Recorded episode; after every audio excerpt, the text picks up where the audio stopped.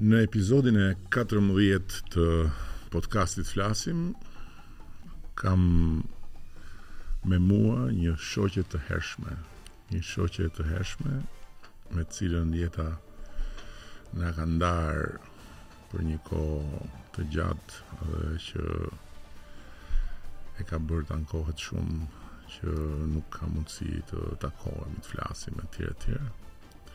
Por, e cila vjen vijimësisht tek unë përmes uh, librave që boton, Dhe mendova se ishte një mundësi e mirë edhe për ta takuar pas kaq shumë kohësh, edhe për të folur pikërisht për librin, që është një nga të stërmunduarit e mëdhenj të kësaj epoke, për gjithë botën, por edhe në Shqipëri, ndërkohë që Arlinda Dudaj, Arlo, vazhdon luftën e saj, disa thonë që të luftosh sot për librin është të luftosh me mullinjtë e erës, disa tjerë thonë është të bësh një luftë Tejet fisnike ku ia vlen edhe të vdesësh në thonjza heroikisht. Disa si unë thonë që në fund të ditës nuk është se ju del aq keq sa thoni juve botuesve me nam, po themi. Megjithatë, këtu s'jemi vetëm për aspektin. e botuesit, po jemi më shumë se sa për kaq. Dhe pyetja ime e parë dhe e mira e këtij podcasti është që mund të të bëj disa pyetje që s'ti kam bërë ndonjëherë se nuk ka ardhur biseda ose s'është krijuar konteksti. Si e ke vendosur ti që t'i kushtosh jetën librit? Faleminderit. Ja, jam e nderuar që jam pjesë e këtij podcasti. Ë, uh, pavarësisht se siç e the, njihemi prej vitesh edhe atë emrin Arlo, të shkruar R L O, e kam prej prej teje. uh, si e kam nisur, uh, unë e kam thënë edhe kam në fakt e kam thënë se më py, më pyesin, është një pyetje që më bëjnë gjithmonë. Uh, tashmë shpia botuese vajti 23 vjeçare, është goxha e madhe në moshë, për të paktën për kushtet tona. Uh, e kam nisur në 2001-shin dhe kam nisur Mos gaboj, ka qenë 12 vjeç kur e ke kur e ke hapur shtëpinë botuese, ha. Faleminderit shumë për komplimentin, ha? por vitet kalojnë edhe për po, mua. Ëm um, isha 22 vjeç. Uh, po ndërkohë në momentin që që e nisa, e kam nisur si loj, ka qenë komplet komplet një loj. Uh, por këtu nuk duhet të them që unë s'kisha lidhje me librin. Me librin kisha shumë lidhje sepse e kam nisur shumë herët uh, leximin. Madje do thoja që edhe sapo kisha nisur të të lexoja dhe kam një histori që e kam shumë të shumë të e kam si si lëkurë, e kam si si si si mëlçi, si një pjesë të rëndësishme të jetës time, si si një zemër, si një çfarëdolloj qoftë organi të rëndësishëm. Edhe nuk e di pse, ndoshta kjo është diçka që mbase s'ka lidhje se ma se ma ka injektuar dikush, pse po edhe se kam lindur me këtë. Pavarësisht se më vonë kam punuar, kam pasur një gjysh në fakt që i cili nuk jeton më, edhe që më bënte të bëja edhe kështu, mbasi lexoja libra të bëja ato që sot quhen review. Edhe të shkruaja, po të shkruaja ça kisha lexuar. Kjo ka qenë, domethënë, detyra, edhe që unë e bëja shpesh. Edhe ndonjëherë dhe e detyruar, po gjithsesi as gjithmonë ka qenë kënaqësi e madhe. Edhe ai mbante shënimet e veta dhe i shpeshherë i i, i uh, ballafaqonim, se po më vjen fjala konfrontoj, po nuk dua të përdor fjalë të huaj. Dhe ndërkohë um, si e nisa unë ishte vërtet ishte vërtet si si një lojë. Uh, ne unë isha në universitet edhe një bëm një projekt uh, të fundit uh, para se të, para se të diplomoheshim, ku bëm kam mbaruar përkthim interpretim në gjermanisht dhe ne bëm secili nga ne përktheu nga një tregim edhe uh, profesori i atëhershëm na tha që të bënim uh, të bënim ta bënim një libër edhe si me thon u futa edhe u përfshiva në këtë proces sepse uh, të qenit botus nuk ka nuk është nuk ka qen profesion edhe sot nuk ka një një shkollë apo një përveçse jashtë po them po në Shqipëri Nuk është se ka një shkollë apo një uh, vend ku ti të mësosh profesionin e botuesit, se botus nuk do me thonë përkthys, nuk do me thonë uh, redaktor. Botus është diçka shumë më e madhe që unë e kam mësuar në mënyrë uh, krejt uh, të, të uh, nga vetja, nuk është se nuk nuk kam bërë shkollë për për të qenë botus. Po me sa duket uh, gjërat doemos lidhen me po, njëra tjetrën. Përpara se përpara se të vim tek uh, ajo uh, Shakaja e vitit të fundit, po themi, që të ktheu në botuse. Përmende gjyshin, uh, si ka qenë shpia jote e fëmijërisë? Ka pas shumë libra? Shumë, shumë libra. Shumë libra, uh, mami im lexonte shumë, uh, kisha dy shpia, domethënë edhe shpia ime edhe shpia e gjyshërve. Mami im lexonte aq shumë libra, sa që atëherë dhe kjo është një histori shumë e bukur, nuk e di nëse shumë veta e mbajnë mend, po ata që kanë lexuar, ndodhte që librat edhe pse shtypeshin në shumë kopje, mbaronin, mbaronin nga raftet e librarive dhe mamaja ime uh, kishte zënë shoqe shitësen e librarisë, edhe ajo e dinte se çfarë donte, se nuk blente çdo libër, po blente librat për fëmijë edhe librat që donte për veten e vet, që ishin letërsi, kryesisht letërsi.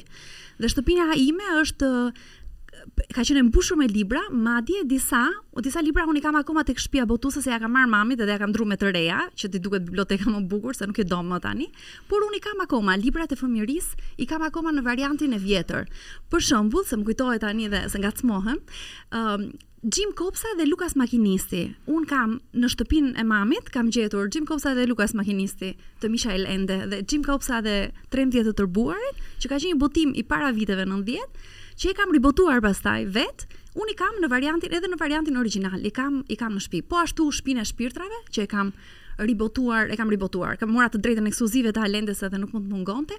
Kam variantin e vjetër, atë variantin e vjetër fare fare fare me atë gruan në në kopertinë të zezë një kopertinë e shëmtuar në fakt me thënë të vërtetën, por që unë e ruaj me shumë dashuri sepse kam pas histori shumë shumë të fortë me atë libër. Edhe unë kam disa libra nga Unë kam shumë. Ajo ko shumë. nga biblioteka e prindërve dhe më kujtohet gjithmonë kur i shoh këto libra, më kujtohet uh, Dimri i vetmisë së madhe që ishte në bibliotekë dhe filluan bisedat të vinin në shpi që gjërat për atë libër nuk po shkonin mirë, që kishte shqetësime nga udhëheqja etj etj dhe pastaj më kujtohet që erdhi Versioni tjetër që bëri Ismaili Dimri i Madh. Dhe unë gjithmonë mbeta uh, partizani i Dimrit vetmisë së madhe. Mund ta them dhe një libër tjetër, edhe ky është një libër tjetër që është fantastik, që e kam të vjetër në shtëpi.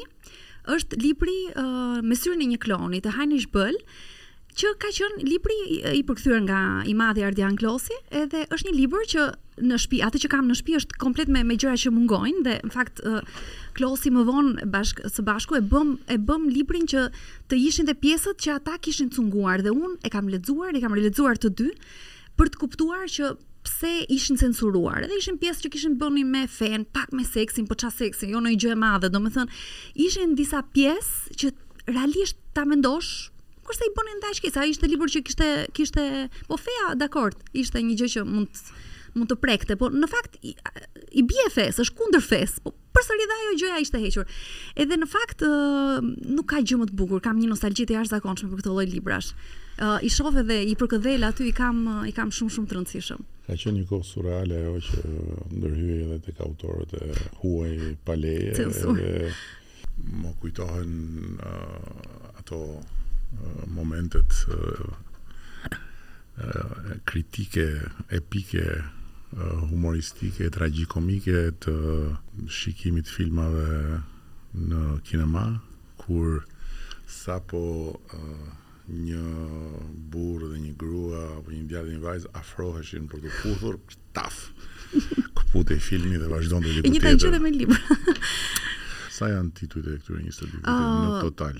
Në total tashmë numërojmë 1000 tituj. Po e them 1000 sepse mund të jenë edhe 998 apo diçka apo um, edhe me 5 edhe me 10 mund të gaboj.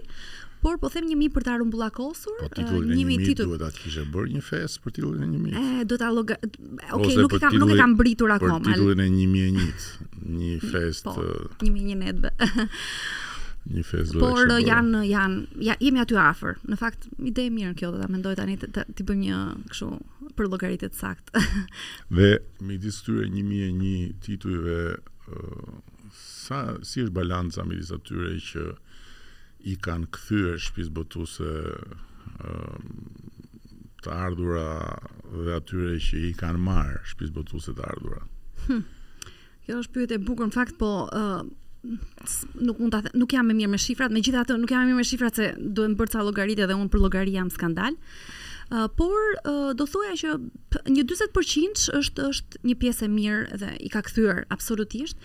uh, kemi pasur kohë të mira dhe kohë të këqija. Në fakt nuk është e vërtetë ajo që uh, un ankohem nga kjo punë, ajo që mua më mundon më shumë dhe që më mundon kur bëj një gjë, është kur vepra dhe libra të mirë uh, më ngelen aty në magazinë, po jo thjesht për faktin që s'i shet. Nuk dua të dua dhe të shes, natyrisht nuk dua të bëj uh, shenjtore në tokë, por uh, ajo që më mundon shumë është që për libra që realisht ia vlen që janë libra libra të jashtëzakonshëm që kur unë i kam lexuar kam pasur uh, pikëtakime shumë të të forta, qoftë me veten, qoftë me me çfarë kam lexuar dhe me çfarë uh, un um, kam jetuar ose përgjigje pyetjesh që un i kam pasur, që të tjerët nuk e kanë këtë mundësi dhe më shumë më vjen më vjen të plas për këtë gjë. Për shembull, për shembull, ja, ja le ta them një libër, po që tani shpresoj që të të, të, të, të ketë ndryshuar. se ka ndryshuar për një për një uh, një autore do thoja. Annie Ernaux. Kur unë kam botuar Annie Ernaux, në fillim është botuar përpara 4 3 3 vjet e gjysmë 4, po them. Kam botuar një libër që quhet Pasion i thjeshtë, një libër i vogël, edhe u mundova, ia kam thënë të gjithëve, mundova të flisja shumë për atë sepse më pëlqeu dhe më pëlqeu jashtë mase. ë uh, që ishte një shkrimtare në fakt shumë e njohur në botë, por në Shqipëri s'njihej fare. Po të them që për 4 vjet kam shitur vetëm 60 kopje Po, por në momentin që Annie Ernaux fitoi dhe pastaj nxora vazhdova me kokëfortësi, nxora vendin e babait, nxora ë um, uh, kujtime vajze, nxora tre libra nga ajo dhe të njëjtat me një fat kështu të trishtë, nuk e di pse. Në momentin që Annie Ernaux fiton çmimin Nobel, në dy mijë e njëzet e dyshin plasi një, domethënë një interes i jashtëzakonshëm dhe njerëzit nuk e dinin fare që ishte botuar. Sepse në fakt për hir të vërtetës nuk është se kanë faj njerëzit, nuk është se kanë faj vetëm njerëzit dhe lexuesit. Është shumë e vështirë të kalojë informacioni. Kalon më kollaj ai informacioni që është trash, që është është pleh, le të themi, ose ai informacioni i shpejt edhe i pa ë uh, mbase dhe i nevojshëm, po që të merr atë kohën e pafund dhe shpeshherë nuk të arrijnë lajmet, sepse unë për shembull edhe shpeshherë edhe njerëz që thonë pse ti ke botuar këtë, thosha futuni në Instagram, unë kam bërë një video dhe është video aty se unë e bëj këtë herë pas here edhe këtë librare që shet libra uh, me anë të videove. Uh, dhe uh, por gjithsesi është një gjë e bukur. Unë tani shpresoj që pasi është shitur libri të lexohet, se është dhe kjo, është një fazë tjetër se shpesh njerëzit edhe mund t'i blejnë, po unë dua që t'i lexojnë. Domethënë sfida më e madhe është që libri të lexohet, jo thjesht, jo thjesht të shitet. Natyrisht dhe të shitet, po të lexohet. Këtë kam një brengë edhe një gjë që më mundon pafund. Po raporti mes titujve të huaj dhe shqip si është? Tek unë është shumë shumë i madh, domethënë raporti është shumë i, i thellë.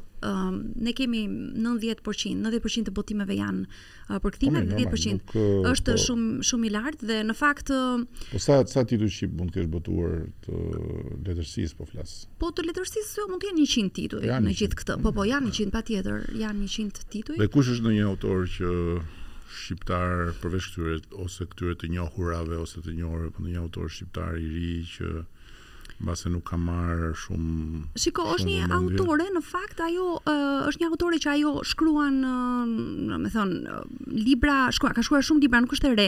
Duket si e re se gjithmonë ndoshta njerëzit po njerëzit e njohin, dhe është një shkrimtare që është një është doktoreshë, neurologe dhe shkruan libra që ia pëlqejnë, edhe është libra që shkru, i, i pëlqejnë shumë njerëzit, e, e ndjekin, ajo quhet Brunilda Zllami, për shembull është një shkrimtare që ë uh, që ka një rritje të jashtëzakonshme. Është një vajzë që lexon dhe punon shumë uh, me veten. ë uh, Por natyrisht kemi dhe shkrimtarë të tjerë, ë uh, shkrimtarë pastaj shqiptarë të të të famshëm kam kam famshëm i dim, flasim për ta që t'i jap t'i ndihmojmë të të të, të dali pak emri dhe zëri edhe nga këtu se edhe kjo hyn tek uh, pikat e misionit të podcastit. Po, në, në fakt shpia botuese është më shumë e prirur drejt përkthimeve dhe um, Henrik Gjoka është një shkrimtar që unë e preferoj dhe më pëlqen shumë. Është një shkrimtar, ai nuk është i ri në fakt, është i madh në moshë, po shkruan shumë bukur. Është pak i njohur për fat të keq.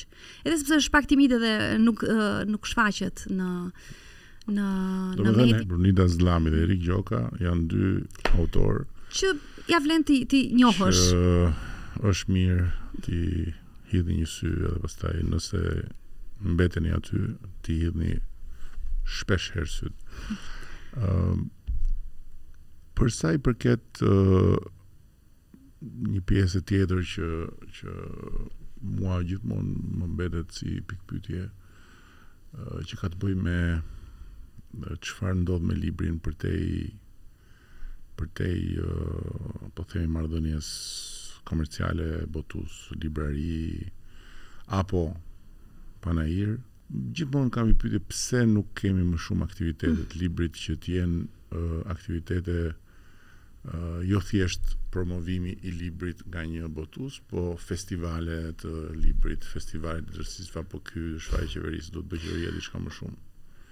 Jo, atëherë edhe po edhe jo. Edhe po edhe jo. Tani ne kemi një problem uh, në fakt që e kemi si është problem shqiptar, është ADN, e kam menduar dhe kam reflektuar gjatë këtë gjë që ne nuk bëhemi bashkë.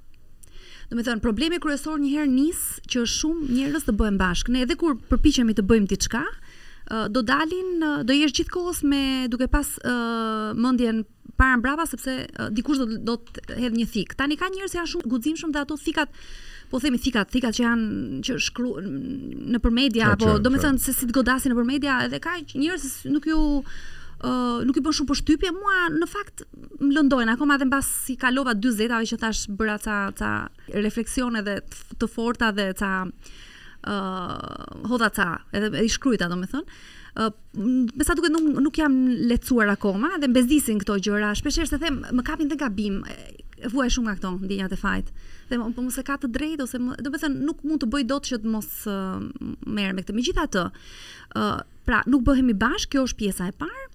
Dhe e dyta, ë uh, tashi këtu hyn qeveria. Në këtë aspekt nuk është se uh, unë mendoj që ndodhin gjëra kulturore në Shqipëri, po tek libri është pak është një pikë uh, e dobët edhe edhe ndoshta është dhe faji i ynë. Uh, gjëra uh, kulturore, janë... gjëra kulturore ndodhin, po. dhe ndodhin shumë për hir të vërtetës, edhe unë për veten time për shembull jam befasuar, edhe unë jam befasuar të thuash pse edhe unë. Edhe unë sepse normalisht Unë i ndjek shumë të dhënat mm -hmm. e sektorëve etj etj, po kur kemi bërë këtë kalendarin turistik ku uh, kalendarin artistik të turizmit ku hyn pjesa e krijimtarisë, pjesa e shfaqjeve, pjesa e aktiviteteve janë qindra e qindra aktivitete që janë të, që janë duke u zhvilluar dhe që do të vazhdojnë zhvillohen dhe janë mbi 1000 në vit. në Shqipëri. Po, po, po, e besoj këtë gjë. Por gjëja që un un një nga gjërat që thashë në diskutimin që bëmë për kalendarin është që ne duhet që nga viti i ardhshëm të nxisim sepse s'ka pas më parë. Domethënë edhe kalendari është një gjë që, që e kemi sjellë ne.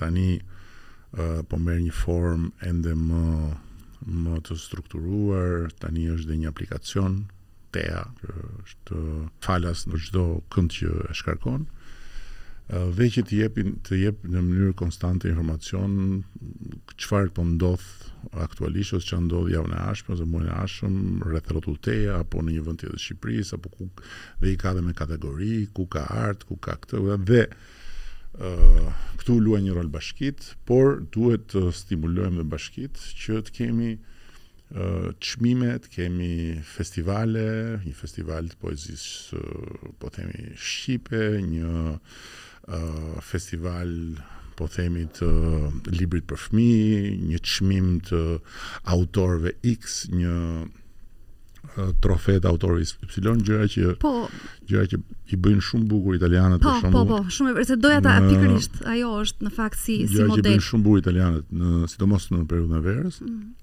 sepse i japin mundësi pushuesve, turistëve, vizitorëve që të kenë darka të bukura mm. ata që ata që janë të interesuar për këtë pjesë.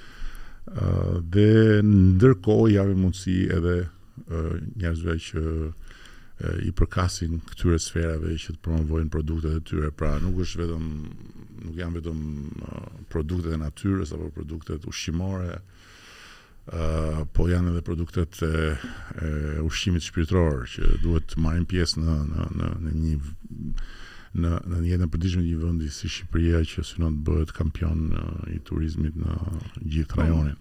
Kështu që në këtë drejtim është mirë që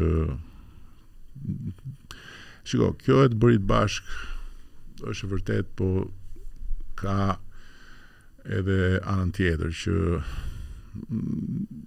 nuk ka nuk ka pse të jenë shumë që bëhen bashkë për të bërë gjëra të tilla, mund të jenë edhe pak njerëz që bëhen bashkë. Po duhet të jenë një pak njerëz dhe ajo që unë dhe secili bën atë pjesën e vet dhe kështu që kemi më shumë më shumë uh, larmi ofertash.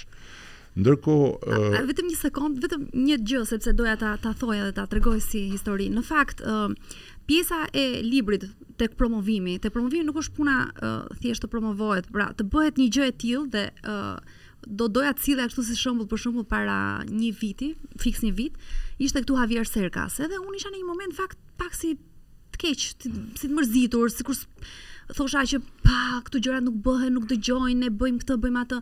Edhe ai vjen një moment edhe kalojmë ecje se Javier Cercas jo vetëm që që është një nga shkrimtarët më të mirë të Spanjës, në fakt, edhe ka qenë këtu, ka qenë tek COD-i e ka prezantuar librin e vet. Uh, ai dil, dilte edhe nga liqeni në mëngjes. Kishte qejf të thoshte më gjej një hotel aty nga afër liqenit sepse unë dua të vrapoj. Edhe tha, shiko, e ke gabim, sepse në fakt ne këtu duke qenë se jemi shumë, jemi brenda edhe futemi dhe futemi në ato rutinat në kaosin tonë edhe shpesh e shajmë njëri-tjetrin, bëhemi shumë të keq. Njerëzit që vijnë nga jashtë arrijnë të kuptojnë një vibe tjetër dhe ai tha, dëgjo, un kam qenë edhe kishte qenë në Tiranë para 7 vjetësh, un kam qenë në Tiranë tha, uh, para 7 vjetësh. Po ti nuk e ke idenë se çfarë ajri ka këtu. Çfarë ajri ka këtu? Se un jam Jam kritike, nuk më pëlqen. Dhe faktikisht pata një ishte dhe Bashkim Shehu aty.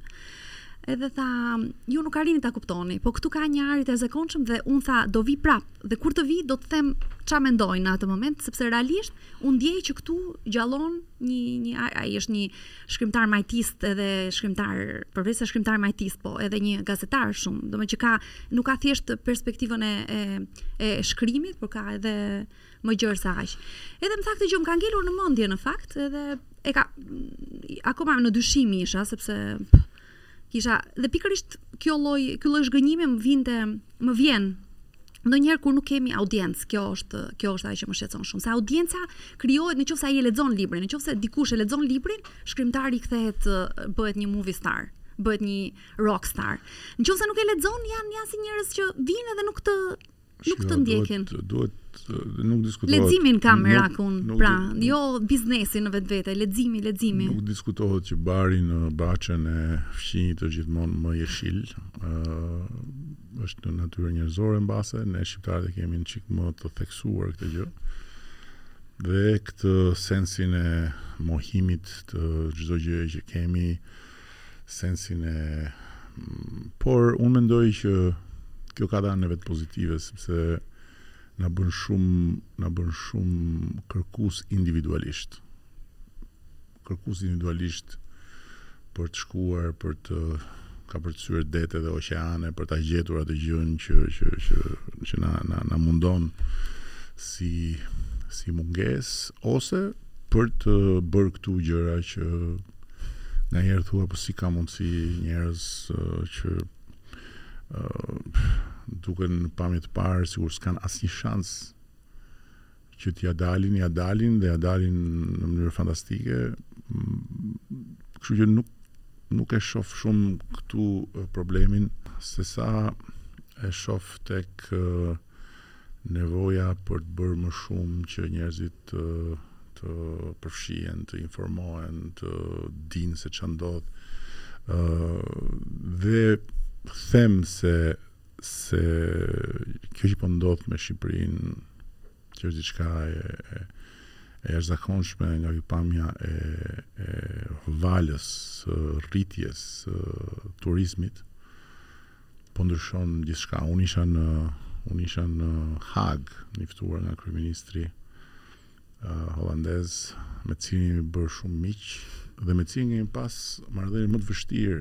Unë kam, do një nga marrëdhëniet më të vështirat e mia ka qenë me të në kohën kur Holanda ishte dhe uh, Ka ndryshu çdo gjë për shqiptarët, po çdo gjë dhe natyrisht që arsyeja kryesore është që gjithmonë më shumë njerëz vijnë, shohin dhe dhe kthehen dhe thonë wow. Dhe artikujt në Hollandë, në Hollandë ishte një një një mizerabilitet. Uh, sa herë që që kërkoje uh, Shqipërinë në në shtyp vetëm keq. Sa herë flitej për Shqipërinë vetëm keq, edhe kam pas dhe një anekdotë të jetuar me me, me kryeministrin kur i pata kërkuar që të shkoj ta takoj sepse marrëdhënien e kemi pas nga pikëpamja nga pikëpamja personale kemi pas të mirë por nga pikëpamja e tensionit kemi pas shumë tension Uh, mirëpo ai është një personazh i jashtëzakonshëm që nuk dhe ai është liberal në politikë, po është dhe shumë liberal në jetë, pra nuk mban nuk mban si të thuash uh, inat pse ti po e kundërshton fort. Dhe i kërkova i thashë të vij, të takohemi se duhet të flas sepse ka diçka që nuk shkon e tjera e tjera. Takohemi patjetër tha. Uh, po jo këtu tha, se e ke parasysh tha, nuk është mirë tha që. Na shikojnë bashkë. Na shikojnë bashkë. Jo, nuk e tha të na shikojnë bashkë, por nuk është mirë tha në këtë kohë tha se ka ka diçka që nuk shkon realisht tha. me Shqipërinë, me shqiptarët, tha edhe këtu, tha sillen keq etj. Edhe u takuam, edhe u takuam pastaj në në samitin e NATO-s. Ndërkohë që sot është komplet gjë tjetër. Dhe ishim ë uh, patëm një një një kohë përpara takimit të Rutes. Ata kanë një super muze një super muze privat që e ka ndërtuar vetë me fondet e veta një personazh i jashtëzakonshëm mbi 80 vjeç një koleksionist uh, holandez shumë i famshëm një nga koleksionistët më të famshëm të botës dhe uh, donte të vinte në Shqipëri dhe. Dëgjoj shumë për Shqipërinë. Të gjithë thonë duan të shumë për Të gjithë. Kështu që në këtë pikë kemi shumë, do të kemi shumë arsye të besojmë që çka vjen përpara është Dhe ajo që ndodh është kur na që na e thon të huajt, mua ma thot shpesh herë, ma thot shpesh herë im bir që nuk është i huaj, po që ka ikur i vogël nga Shqipëria dhe më thot gjithmonë që ju mami nuk e kuptoni atje, sepse nga që futeni tek ajo gjëja juaj e vogël, po, edhe edhe Ai ka gjithmonë dëshirë edhe thotë që do kthehet në Shqipëri, domethënë. Nëse do të shikosh sa ke ndryshuar me kohën, nuk e kupton duke parë veten për ditë në pasqyrë para se të shkosh për në punë, uh, para se dalësh nga shtëpia, uh, e kupton vetëm po shikosh fotografi sot dhe fotografi dje. Nuk e kupton ndryshe, sepse jeton çdo ditë me të dhe nuk e kupton se si vetja ndryshon ose edhe gjëja rreth e rrotull ndryshon kurse kush ka distancë para ca kohësh nuk po përmend emër erdhi një shoku im një artist nga më të mirët që ne kemi që jeton jashtë prej shumë e shumë vitesh bashkë me të shoqen dhe u detyrova t'i them boll dale se nuk është kaq kështu sepse nuk jo, e nuk ke idenë se si flisnin për po patjetër patjetër aty ka pastaj Tiranën çfarë thua more po këtu është bërë një përmbysje E paimagjinushme, po këtu është bërë kështu e këtu është bërë ashtu edhe për herë të parë, për herë të parë na ka shkuar mendja që mbase do të kthehemi. Tani un po lexoj një libër ë uh, që të një që e shpjegon paksa këtë lloj dhe këtë lloj ndjenje, ndoshta edhe këtë lloj dashurie që ka të bëjë me nostalgjinë. Është ma solli një mike e çmuar Është një personazh, personazhe që jam shumë e e, e trishtuar që s'e kam njohur më përpara. Do të kisha dashur ta lexoja më përpara. Po, është quhet ajo quhet Svetlana Bojm, Bojm. Dhe ka shkruar një libër që quhet uh, Nostalgia of the Future, edhe që shpjegon Që shp, ajo vjen nga Bashkimi Sovjetik, është ka qenë ishte... kuratorja e një ekspozite. dhe këtë gjë ta pata shumë zili, sepse në Vilnius që më ka ftuar. Lexova një artikull te New Yorker që thoshte pikërisht këtë që një nga vendet ku unë do të doja të jetoja, edhe po që do, do të ta çoj artikullin, është Shqipëria ku nuk përmend me emër, po e kuptova se që natyrisht që bëhet fjalë për për ty, ku uh, kryetari i bashkisë apo kryetar bashkie ke qenë atëherë, ishte është është artist dhe të cilit i kurova një dhe do doja që një nga vendet ku mund mund të jetoja, mund të shkoja, ku do doja të shkoja para se të vdiste, sepse ka vdekur, është Shqipëria. Këtë gjë ja thot shoqes që ka bër shkrimin apo shokut, nuk e, s'e, s'e kuptova nga emri se çfarë ishte, që ka bër shkrimin në New Yorker. Do ta nis shkrimin dhe uh, lexoje dhe këtë gjë kur un njoha këtë shkrimtare dhe këtë libër, të cilin po e lexoj si si e marrë, është një libër i jashtëzakonshëm, më vijnë akoma rrënqethem, domethënë kur e mendoj se sa bukur i ka shpjeguar këto çështje që për cilat po flasim, qoftë të nostalgjisë, të mënyrës se si i kujtojmë gjërat që mund të jenë edhe edhe gënjeshtra, se si e e e, e uh, se si ajo memoria jon na bën në fakt na shpëton, në atë mënyrë na shpëton duke kujtuar edhe të shkuarën. S'e di, un po jetoj në fakt në një në këtë moment uh, shpesh herë më vjen nostalgji mbase ka mosha që po kalon, jo, po, jo. me siguri. Por është një një mrekulli, një një një grua mrekulli që ta kam shumë zili që e ke njohur. Edhe që Arlo unë gjithmonë kam pasur ndjesinë që ti nuk do plakesh kurrë. Faleminderit. Sepse ke një kapacitet konsumi energjetik. dhe që vjen nga kapaciteti i prodhimit të energjisë që je realisht një nuk e di domethënë një Po tmerrova shumë se ajo Svetlana ishte vdekur 55 vjeç. Pafundme, kështu që mos na. Ishte një grua e madhe. Rikthe temën këtu tek mosha e tek plakja se këto nuk janë Edhe, uh, po. nuk janë uh, për ty. Uh, Dhe në shpinë e të varurit nuk flitet për litarin Arlo, të lutem. Ndërkohë që doja të pyesja ë në aspektin se un un mendoj që shqiptarët lexojnë. Domethënë gjithmonë du, jo të gjithë shqiptarët lexojnë, se jo të gjithë italianët lexojnë, jo, jo po të gjithë francezët lexojnë, jo të gjithë anglezët lexojnë, po mendoj që shqiptarët ë nuk mund thuhet që janë një një popull që nuk lexon. mendimi im tani nëse do të ma kundërshtosh mm -hmm. ma kundërshto shiko nuk ta kundërsht nga nga nga çfarë thot në nga të dhënat e tregut çfarë thon të dhënat e tregut në këtë aspekt shiko në këtë moment është moment i vështirë un nga të dhënat e tregut po flas për të dhënat e tregut um, ka shumë arsye është e vërtetë që nuk do lexojnë të gjithë edhe asnjëherë s'ka qenë kështu edhe atëherë kur tirazhet ishin me 20000 kopje Por tani ka një moment që Kurba, ka... Kurbani vazhdon të mbetet në top kurbani, list. Kurbani ka shi. Pati atë momentin ishte në kohën e duhur, ishte shumë. Ishte një nga librat më të shitur në fakt. Po, po, ka dalë edhe ka dalë një botim. Cilin gjete më, më lart se Kurbani në historinë e 1000 titujve të tu? Kam ndoshta Kodin e Da Vinçit. Kodi Da Vinçit është një nga librat më të shitur të gjitha. Ka shkuar mbi Kurbanin? Mbas, jo, jo mbi Kurbanin. Po do jenë aty aty me jo Kurbani e ka jo tek unë të paktën është absolutisht. Ka libra që janë edhe long seller që shesin e shesin vazhdimisht. Ë uh, por ndërkohë ka dal një botim i ri në i kurbanit në bullgarisht. Po, më pate thënë që po po tenton ta. Nuk e di nëse nuk e di nëse nëse mund ta mund ta tregoj. Edhe më vjen për të qeshur se si e kanë shkruajt emrin. Emrin e, e kanë ndryshuar. Po jo, mos e kanë ndryshuar ata. Jo, e kanë ndryshuar. Jo, fal.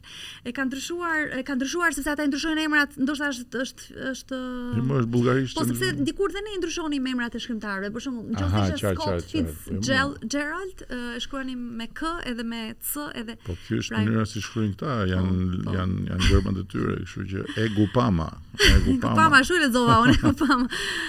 Edhe e gupama, po uh, bukur që nga. Nice. Është është i bukur. Mm. Edhe kopertina më pëlqen shumë. Në fakt, kur takova, kur takova Sepse do ta rregulloshim me këta bullgarët, uh, pavarësisht se në fakt kur po diskutoja me uh, djalin tim ai tha një moment që E po tani ça ai kryeministri, unë nuk e di se unë as e dija kush ishte, po shtanga ka ngritur. Edhe bëri këtë, bëri këtë lloj uh, jo, batute po. Uh, kur ishim në konferencën e, e sigurisë në Munich, presidenti i Bullgarisë më thot, uh, ore thot, uh, më flasin për një libër tëndin, thot që Uh, ka dalë i joti është thotë se e, ka një drama tjetër jo tash unë jam. Jo sigurisht ajo është shtëpi botuse shumë e rëndësishme, është si si Le Monde. Kolibri është shumë i rëndësishëm në Bullgari. Për një libër tëndin që ka dalë, po duhet vish ta ta promovosh. ta promovosh etj etj.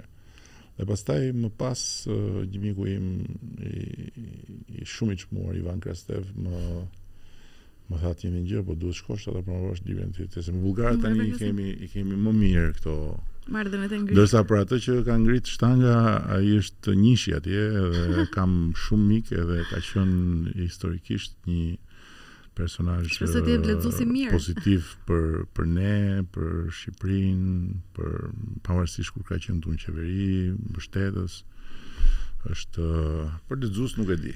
Po që është një nga njerëzit më të mençur që unë kam njohur, këtë e di. Ëm ehm, ndërkohë, faleminderit. Faleminderit. Më ke sjellë dhe një kopje tjetër, na sjell dhe një kopje tjetër ta ke sjellë. Kam se ti zakonisht nuk vjen me një, vjen me pesë. Po pra, vjen me çantat e mëdha. Ja. I ke pesë kur vjen edhe ose kur çon. Kështu që Falenderoj shumë. Tani nuk e di sa je përgatitur për një pyetje që del pak nga konteksti, po je e lirë dhe mos përgjigjesh. Jeta jote në përgjithësi si shkon përtej librit? Udhton shumë Uh, se ti nuk rri dot me një vend. Jo, s'rri dot me një vend.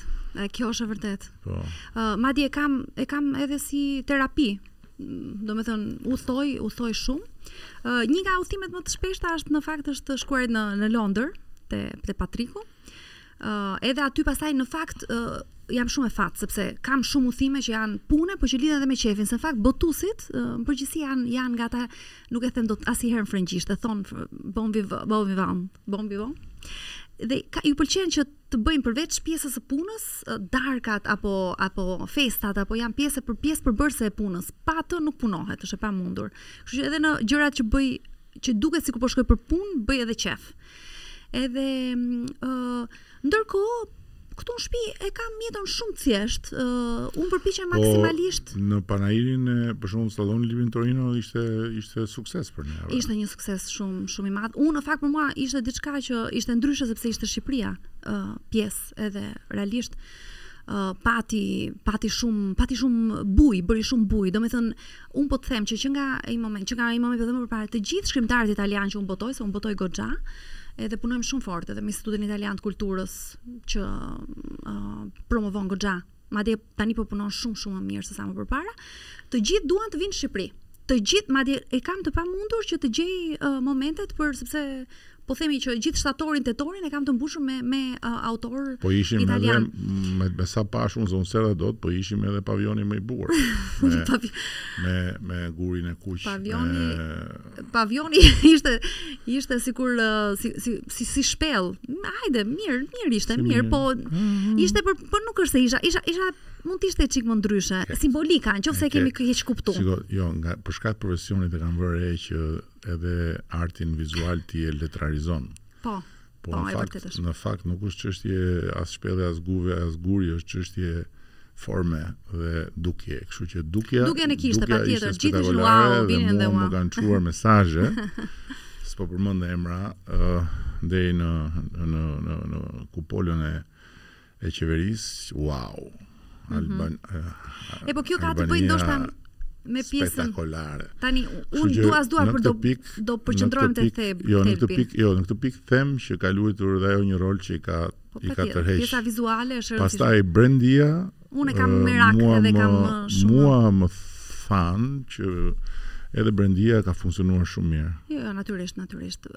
Ishte diçka shumë e rëndësishme dhe absolutisht të gjithë ishin ë të paktën atje sepse unë kam vërtet njohje shumë të forta edhe në në Torino, edhe ishin të gjithë shumë shumë të të kënaqur. Kemi filluar tani të punojmë për një qendër të re panairesh me Bashkinë e Tiranës, mhm. sepse mm -hmm. realisht ë Pallati i Kongreseve është është nga halli një sipërfaqe nga halli. Po, po, po, po, po. Është e lodhur në Ka arritur i ka mbuluar nevojat mm -hmm. sa ka mundur, po është e lodhur edhe mm -hmm. po punojmë për një qendër panairesh, jo vetëm jo dhe jo vetëm për librin, po edhe për shumë gjëra të tjera që mund të bëjmë. E kemi të domosdoshme sepse Shqipëria turistike ka nevojë për këto për këto struktura.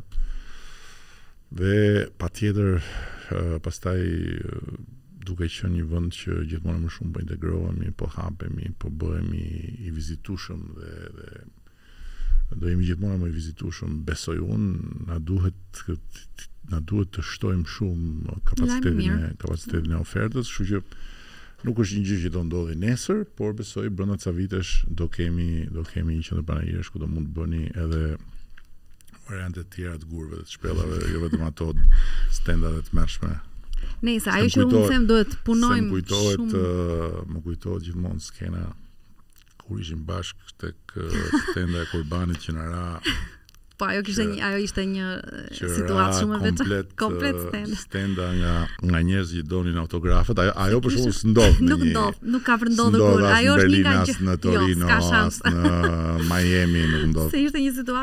Shumë shumë e veçantë. Ajo s'ndodh. Ëm uh, Ke ndonjë peng Arlo? Peng? Po, s'e di, nuk më vjen peng. Ëm um, pengje kështu të vogla, po që nuk i nuk i mbaj mend ë shumë gjëra them unë jam unë jam në fakt jam jam pishmali e madhe them pse s'e bëra kështu po e bëra ashtu po peng të madh domethënë ë nuk nuk nuk kam në jetë, sepse zakonisht pengu vjen them për një gjë që e ke bërë keq dhe i ke bërë keq dikujt. Unë mendoj që këtë gjë nuk e kam bërë, edhe edhe ai do ishte peng për mua, të paktën për mua si si person. Ke një peng që s'ke investuar akoma dot uh, në komponentin digital të të Po, e kam menduar. Votimeve. Mm -hmm. Sepse kam përshtypjen që ajo që ne nuk marrim në nuk llogarisim kur flasim për lexim është që shumë mhm. njerëz lexojnë në formë tjetër që për mua jo, s'ka problem. Për mua s'ka problem dhe unë e quaj dhe atë një lloj leximi, nuk ka problem. Por uh, për të investuar në digital për një vend të vogël, e kam menduar, e kam menduar shumë gjatë, në një vend si Shqipëria të investosh duhet bërë absolutisht në kuadër të projekteve, sepse është e pamundur për të investuar uh, për të digitalizuar, nuk nuk ta kthen asnjëherë uh, investimin, sepse flasim për për gjëra që janë janë flitet për tregje shumë të vogla dhe jemi treg i vogël. Për hir të së vërtetës i kam bërë këto mm, lloj llogari, por natyrisht ekzistojnë fonde të Komunitetit Evropian që duhen zhvilluar e duhen duhen menduar. Unë jam në atë Ne po bëjmë projektin e ri të Muzeut Kombëtar, mhm. që më në fund, mbas shumë vitesh, po na vjen mundësia tani që ta transformojmë dhe një nga shtyllat e konceptit të ri të Muzeut Kombëtar është pikërisht është gjuha, gjuha. Dhe, dhe libri. Mhm. Dhe dhe duam që muzeu të jetë jo thjesht një vend ku ti shkon dhe shikon çfarë ka ndodhur më parë dhe çfarë ka qenë më parë dhe artefakte ose ose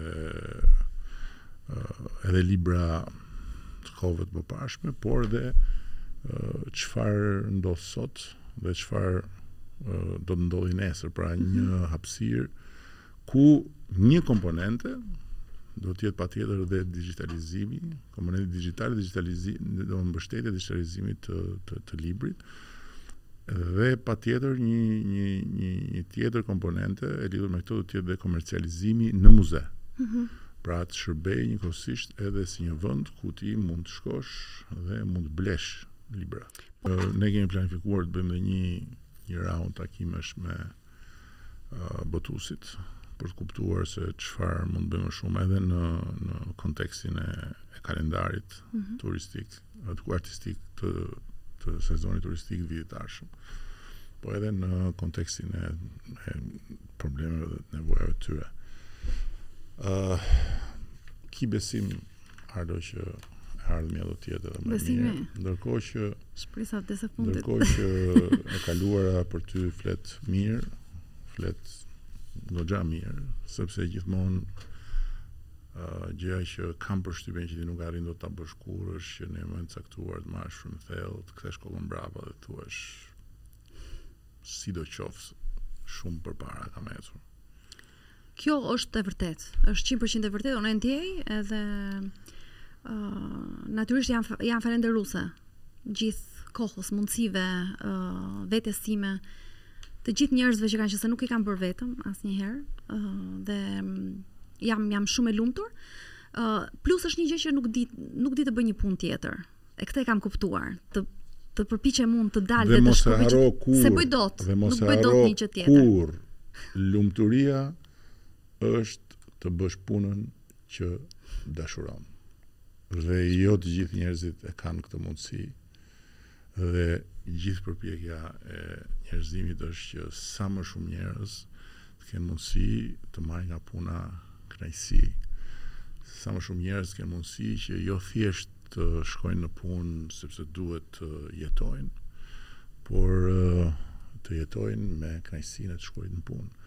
Kështu që këtë mos harro kurrë dhe në momente kur ti Ke atë uturimën e frikshme që s'ia vlen asnjë gjë, nuk duhet. ë, ë, ë. Unë e bëj këtë. Kujtohu, Shumë shpesh. kujtohu që sidoqoftë je e, ke një bekim mbi kokë sepse bën ë, punën që dashuron. Një punë që dashuroj vërtet. Është Jam e shumë vërtetë. mirënjohës për kohën, të jam mirënjohës për miqësinë, po edhe për durimin Jo dhe aq, jo dhe aq shembullor që megjithëse prej vitesh nuk takohemi dot, ë uh, prapë se prapë ti uh, e pranon që nuk e vetëm timi ka ime, po më një kujtë, kështu që unë të falenderoj për këtë.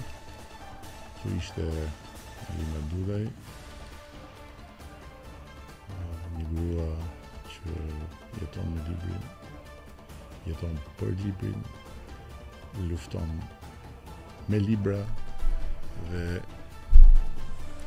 përpiqet çdo ditë me të gjitha forcat që të bëjë sa më shumë aleatë në mënyrë që libri t'i mbijetojë sa të mundet kësaj kohe të re kur nga të katër anët vjen presioni i risive që